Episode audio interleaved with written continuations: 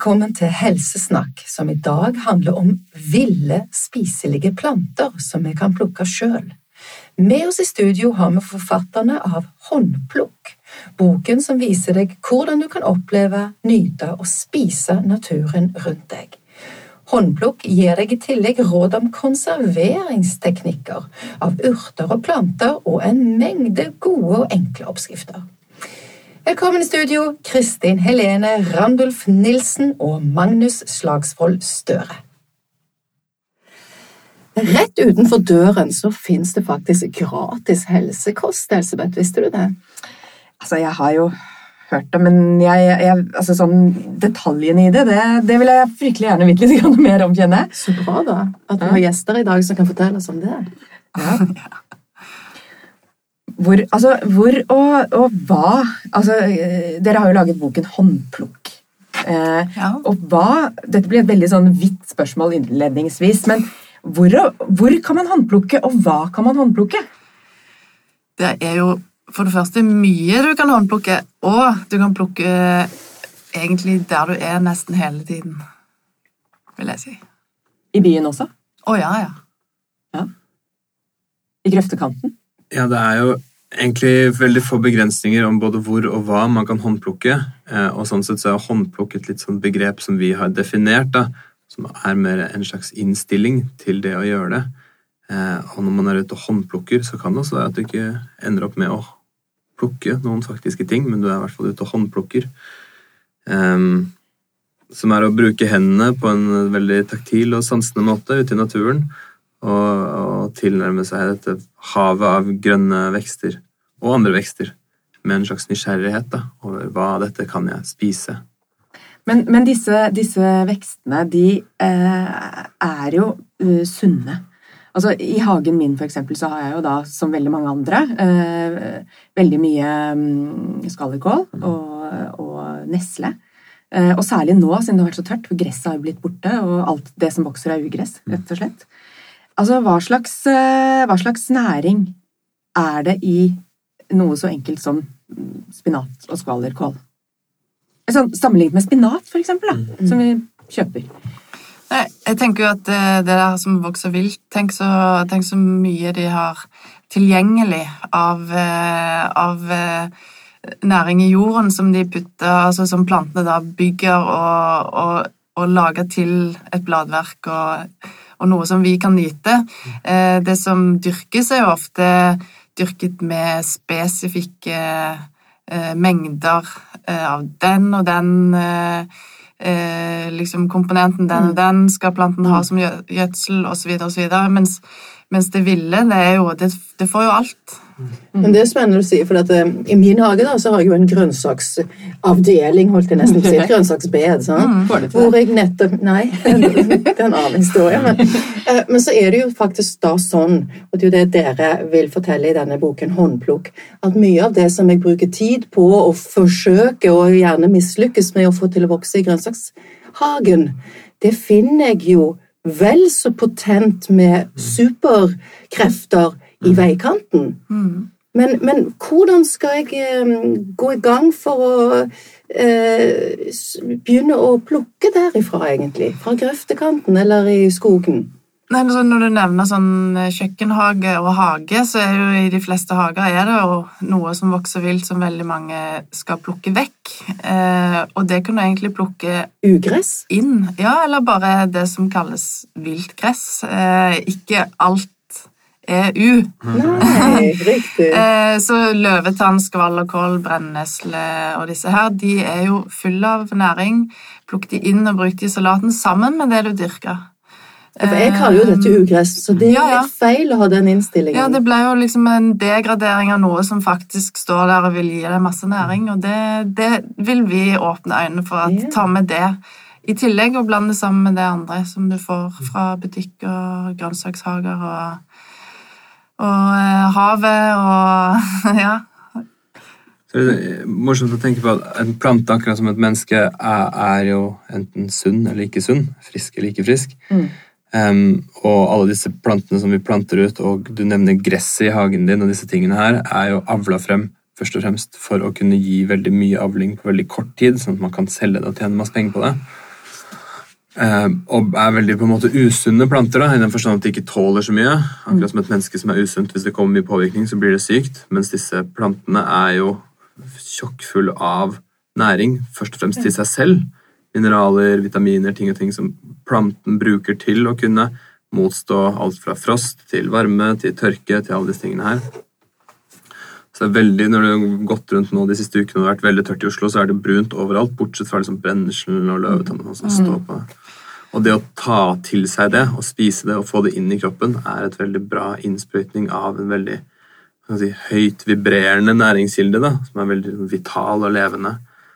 Også til sammenligning i mitt skjønn da, med helsemat, som man er, kan være kjent med. Liksom, mm. Grønne pulvere som man kjøper pulverisert, men som er dyrka på andre siden av jorden. og sånt. Her, altså Spirulina-greier og sånt? Ja. Som koster alle sånne ting. Kjempedyr. Ja. Og det, de færreste vet jo at eh, brennesle er en av Nordens mest næringsrike planter. Og det, den har jo blitt brukt som næring for både eh, dyr og mennesker eh, bakover i tid. Nettopp denne hadde de jo til og med gårder hvor de dyrket nesle for å ha nok næring til vinter, for å ha nok næring til budskapen mm. sin, for å kunne eh, ha tekstil, altså plantefibre til tekstil osv. Så, videre. så det er jo en, det, det her er en overlevelsesplante, og den er kjempefull av det som Magnus sier, vitaminer og mineraler, som mm. jeg tipper vil eh, knekke knærne på en eller annen sånn hvetegressboks. det er helt utrolig. Liksom, Dette her er jo eh, Ja. Men, da må jeg bare spørre én ting. for Når du snakker om brenneslen, eller mm.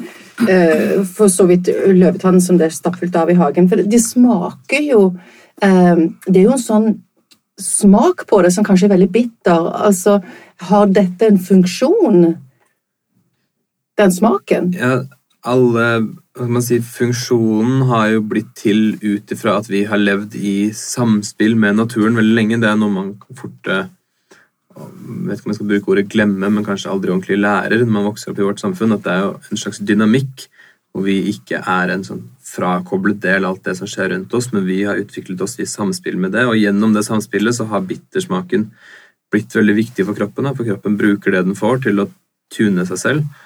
Eh, og den bitre smaken i munnen, i magen og når det tas inn i blodet og inn i cellene, er veldig viktig for kroppens funksjoner. Så bare det å putte noe bittert på tungen mm. gir en kjempestor fysiologisk effekt. Som ikke bare handler om fordøyelse. Vi hører jo at man må ha i seg bitterstoffer for å ha en optimal fordøyelse, mm. og jeg er helt sikker på at mange hadde fått mye eh, enklere si, Hatt en mer behagelig fordøyelse hvis mm. de klarte å få i seg mer bitterstoffer. Men det skjer også ting som går utenom det fysiske, som går rett til det mentale og rett til det emosjonelle. Så det fins også liksom en sånn, si, bredspektret helsefunksjon av å begynne å være litt nysgjerrig på det bitre igjen. Og min opplevelse er at folk som spiser løvetann for første gang, er veldig sånn 'Å, dette var veldig bittert. Å, du kan ikke spise det her.' Og så etter to-tre ganger så begynner en tunge som kanskje aldri har spist bitterstoffer, og ja, ok, men det går bra, vi trenger ikke være så på alerten for det. Uh, og det blir mer en sånn spennende utveksling, da hvor man også kan bruke forskjellige bitre vekster og smake på nyansen i det. Med da en helsemessig gevinst som følge av at det er en, en bra interaksjon å ha da, med mm. bakgårdsplantene sine. Kroppen åpner opp for nye ting, nye, nye sanser. Mm. Bitter, bitre smaken er da til motsetning av f.eks. sukker, da, som er helt i andre siden av skalaen, veldig skjerpende. Veldig sånn på en måte de sier i det ayurvediske systemet, det indiske systemet, at bitter er en veldig varm smak. Så det gjør et eller annet med på en måte flammen i kroppen. Da. Fordøyelsen, også i magen, også i cellene, men også i hodet. Evnen til å liksom ta inn og fordøye og være til stede i verden. og å jobbe med det, da, kontra liksom sukker, som er det motsatte, som er litt sånn ah, sløven, nå skal jeg sette meg ned og slappe av. Mm, ja, hvis du skal hvile. Som jeg mener er en veldig bra smak da, å benytte seg av. Ikke hvitt sukker, selvfølgelig, men det å kanskje etter et måltid etter en lang dag spise noen tørkede dadler eller en fi, noe fiken eller noe frukt eller noe, for liksom ah, nå skal vi slappe av. Mm. Fortelle til kroppen at nå kan vi roe oss ned. Mm. Mens da det bitre kan gi, stimulere energi mm. og skjerpe sansene. Mm. Hva er aller mest eh, av det som eh, dere har i boken, eh, blant det mest potente når det gjelder næring? Altså det som man kan nesten da kalle mm. supermat.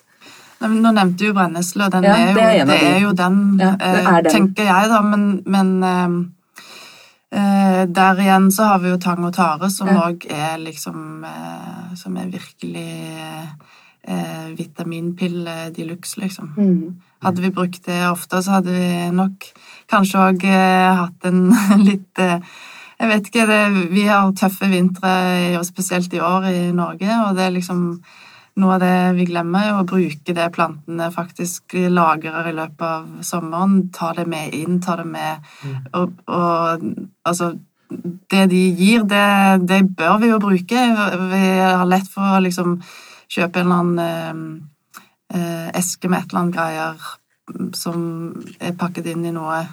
Eh, men, men, å ta med det som, som vokser, og, og liksom eh, hente energi fra verden og ta det med inn i vinteren, det, mm. det, tror jeg kanskje vi kan eh, Og jeg kan selv òg bli mye flinkere til det. Og det, og de med plantene og med alger, som du nevner, altså, det, er jo, mm. det er jo sporstoffer og mineraler som jo ofte kan være litt vanskelig å få nok av. altså ja. Vi tar vitaminer Ja, det må man jo ha for å få transportert ting rundt omkring i kroppen. og få, altså Disse kofaktorene er jo viktige for at prosessen skal gå sin gang. Mm. Og, eh, så no, na, Naturen står egentlig der og strutter og sier 'ta meg, ta meg, ja. bruk meg, bruk meg'. og så glemmer vi litt det at det, det er jo Naturen har liksom Eh, det reneste, og så begynner vi å, å, bearbeide og skal mm. pakke det inn og skal, skal, gjøre ditt og datt med det, og så allikevel eh, Der når det er pakket inn og liksom fått en lapp og sånne ting, det er da folk mm. tør å bruke det.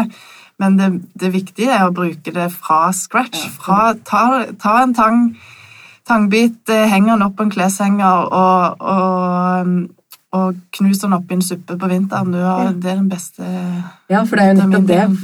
For det er jo en terskel hvis man ikke har gjort dette før. Mm. mm. Og så gå, gå, ned på stranda nå i sommer for eksempel, mm. og dra med seg litt blæretang eller litt mm. sånne lange belter. Hva er det heter igjen? Sånne ja, sukkertare. Mm. mm. Hva heter det? Sukkertare? Sukkertare. Sukkertare. Det er jo ofte en terskel som er veldig mental, da, opplever vi.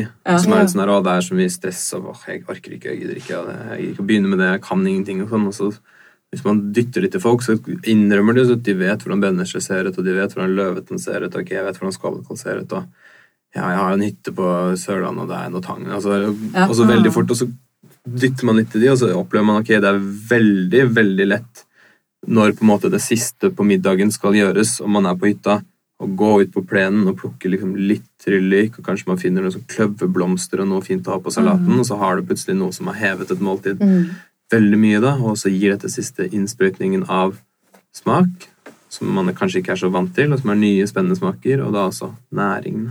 Ja. Men så får du òg en ting til, og det er i det øyeblikket du sitter og plukker disse tingene, så får du en helt annen pust, en helt annen puls. Mm. Eh, du tenker at 'åh, oh, nå gleder jeg meg å servere maten'. Fordi du får faktisk det lille rommet da, til å bare være der, og, og, og ikke ikke være jazza oppover hvor mange kniver var det egentlig vi manglet. Og, og det å plukke er i seg selv eh, en sånn en god boble som man bare burde være i innimellom. Sånn er det i hvert fall vært for meg. Mm. Altså, og det, det, er liksom den der meditative effekten, den der eh, revitaliserende eh, eh, Aktiviteten er liksom har blitt veldig sånn eh, godt eksempel for meg på, på det der med å, å, være i natur. Gjøre noe, men ikke gjøre noe. Tilstedeværelse. Eh, ja, og, mm. og, være der, men ikke være der, osv. Jeg må òg spørre, for du, du, Magnus snakker om dette at du kan heve måltidet ved å putte litt eh, Gå ut og hente en ryllik eller kløver. Og en ting er at det ser pent ut Eh, for det gjør det virkelig når man kaster litt mm. blomster på et måltid. Det ser jo helt fantastisk ut, men da tenker jeg nesten gud, fest. Eh, mm. Og det er jo veldig bra. Eh, men, men, hva med hverdagsmiddagen? Altså, Hvordan kan jeg bruke dette i hverdagsmiddagen? Det er to kategorier, føler jeg. Det ene er liksom, hva skal man si, ferskplukkede ting. Um, og som vi skriver i boken, at vi oppfordrer veldig folk til å på en måte på vei hjem fra butikken med litt sånn handleposer i hånda og guttungen på armen, ta med litt løvetann fra bakgården litt skålekål, og enten bare skylle det og ha det som en fersk salat, eller steke det litt i en panne med litt olje, så det liksom blir litt sånn varmt og godt. Og så er det en annen kategori som er mer dette som lagres inn. da. At man også da kan, som jeg har gjort et par år nå, tatt en svær sånn neslebunt på slutten av året, hvor neslen har masse næring i seg, for den har stått kjempelenge. Og så binder jeg den sammen og henger den opp så den tørker. Og når den er tørk, så bare knuser jeg den ned i en pose og heller det opp på en boks, og så har jeg en boks med tørket nesle. Og da kan jeg, når jeg lager alt fra tomatsuppe til gryter, til stuinger, til sauser, til bare te, ta liksom litt tørket nesle oppi der, og sånn sett få det inn i måltidet. Da. Og der er altså tang en veldig bra ting. da, Ta en time på våren og plukke noen lange remser av tang, og som Kristin sier, henge det opp på en knesenger knuse det ned i en boks, og da ha noe tilgjengelig som er veldig lett til å bare slenge opp i nesten hva som det skal. Ja, det er veldig, veldig inspirerende. Ja. Men, men, tørket brennesle, hva smaker det egentlig? Brennesle? Jeg har aldri prøvd. Det er vanskelig å beskrive smak. Da. Brennesle er en veldig rik og kompleks smak. Det er veldig mye smak i den. det. Er en veldig bred mm. smak. sånn at Det er en oppskrift i boken på det vi kaller for nesle dashi. Og dashi er en, en japansk oppskrift hvor du har tang og tørket fisk sammen i vann. Ja. Her har vi da tang og nesle sammen i vann. Og disse to vekstene sammen gir en buljong som er veldig rik på smak. Har det vi kan kalle for liksom en kompleks smaksprofil. At det er mange forskjellige smaker, og det er liksom interessant å spise det over gjennom en hel suppeskål da, mm. med bare to oppskrifter. Mm. Men jeg vil si at nesle er veldig sånn kraftig grønn. Den har altså sånn mineralsk type mm. preg. Mm. Jeg bare tenker at en del smak kanskje forsvinner når du tørker det. da. Ja, Det endrer litt karakter, men det er fortsatt en del neslesmak der. Den suppen syns jeg er best å lage med tørket nesle og tørket tang. Ja. Det er ikke så godt med fersk. Nei. Da blir det mer sånn mm. Siler man det forresten eh, hvis man har eh, brennesle som ikke da er tørket? Blir ikke det sånn eh, lange Det blir litt som hvis man har en sånn gryte og har oppi en spinatpose på slutten. Ja. Så blir det litt sånn myke spinatblader. Det er kjempegodt. Ja. Men For du sa det at du pleier å ta på slutten av sesongen masse brennesle. Ehm, jeg har alltid lest at man helst bare skal ta de nye skuddene og de lysegrønne og sånne ting. Ehm, det er litt avhengig av hva man skal. Da. Jeg liker å ta på slutten av sesongen fordi jeg skal tørke det, og jeg er veldig opptatt av eh, å få i meg den, de næringsstoffene som er i det. Ja. For det er enda mer, selvfølgelig, når den har stått hele lang tid. Og Grunnen til en ofte sier spirene, er jo at de er myke. Det er ikke mm. bygget en struktur, en, eh, det er ikke bygget de der cellulosefibrene utover sesongen. Sånn at det, eh, eksempel hvis du vil være veldig sånn veldig nøye da med denne neslen på, på, høsten og unngå disse lange, litt harde fibrene som er i stilken, så kan en bare dra av bladene. Ta et par ja. oppvaskhansker på, og så nappe av bladene, legge de på bakepapir eh, opp på øverste hylle og la de tørke. og så, sånn som Magnus sier, bare rett ned i en pose eller boks. Og, ja. og skal du lage salat, så er det ofte fint å ta de minste, mest vevere type, type tupperste bladene, de små som er fine. På brennesten? Egentlig på alt. På, på, ja, på vekster er jo liksom de myke skuddene det er de som er lettest å hva skal jeg si, altså Konsistensen og den tyggemotstanden ja. og den munnfølelsen er jo mest behagelig med de myke spirene, men, men, der kan man jo hjelpe til med å kutte opp eller uh, dele opp, eller uh, sånn som mange var inne på surre i litt olje og, og, og, bearbeide. Men det er vi vant til med andre grønnsaker. Vi bearbeider andre grønnsaker. Det kan vi òg gjøre med vekster, og dermed ha liksom et bruk over en lang sesong. Mm. Helt inn i vinteren, og ikke tenke at eh, nå, nå, er de minste spirene blitt store, nå må, må jeg slutte å plukke. Fortsette å plukke og fortsette å bruke. Og, og, og, da bruke hele planten. Du behøver ikke være redd for å tenke gud, er det bare blomstene jeg skal bruke, eller er det bare bladene? Jeg kan bruke alt. Vi har ikke noe svar på det, og det er litt også poenget med denne boken. her, at Vi vil gjerne inspirere folk og gjøre folk litt nysgjerrige, men vi er også veldig ydmyke på at det å bruke vekst, så mye ville vekster inn i det moderne norske kjøkkenet er fortsatt nybrottsarbeid. Så invitasjonen og det vi håper å gjøre, er jo da å vekke nysgjerrighet, sånn at folk kan være med på utforsking av hva kan man gjøre. Kan man bruke silken, kan man bruke veksten? Og vi har nå skrevet en bok hvor vi har brukt to år på å gjøre det så bra vi kan. Vi merker også at det er uendelige ting å utforske her. Da. Apropos stilker, og for ikke snakke om røtter. Hele rotsystemet er jo også kjempeinteressant, i hvert fall med tanke på næring mm. og helse, men også med tanke på smak. Eh, så det her er egentlig bare en sånn Filosofien i boken er litt sånn ja, Hva kan man bruke det hva kan vi bruke det til? Og så er svaret vårt liksom, vi vet ikke. Finne ut av det selv på en måte, og fortelle oss hva som funker, så vi kan eh, vite om det. Mm. Mm.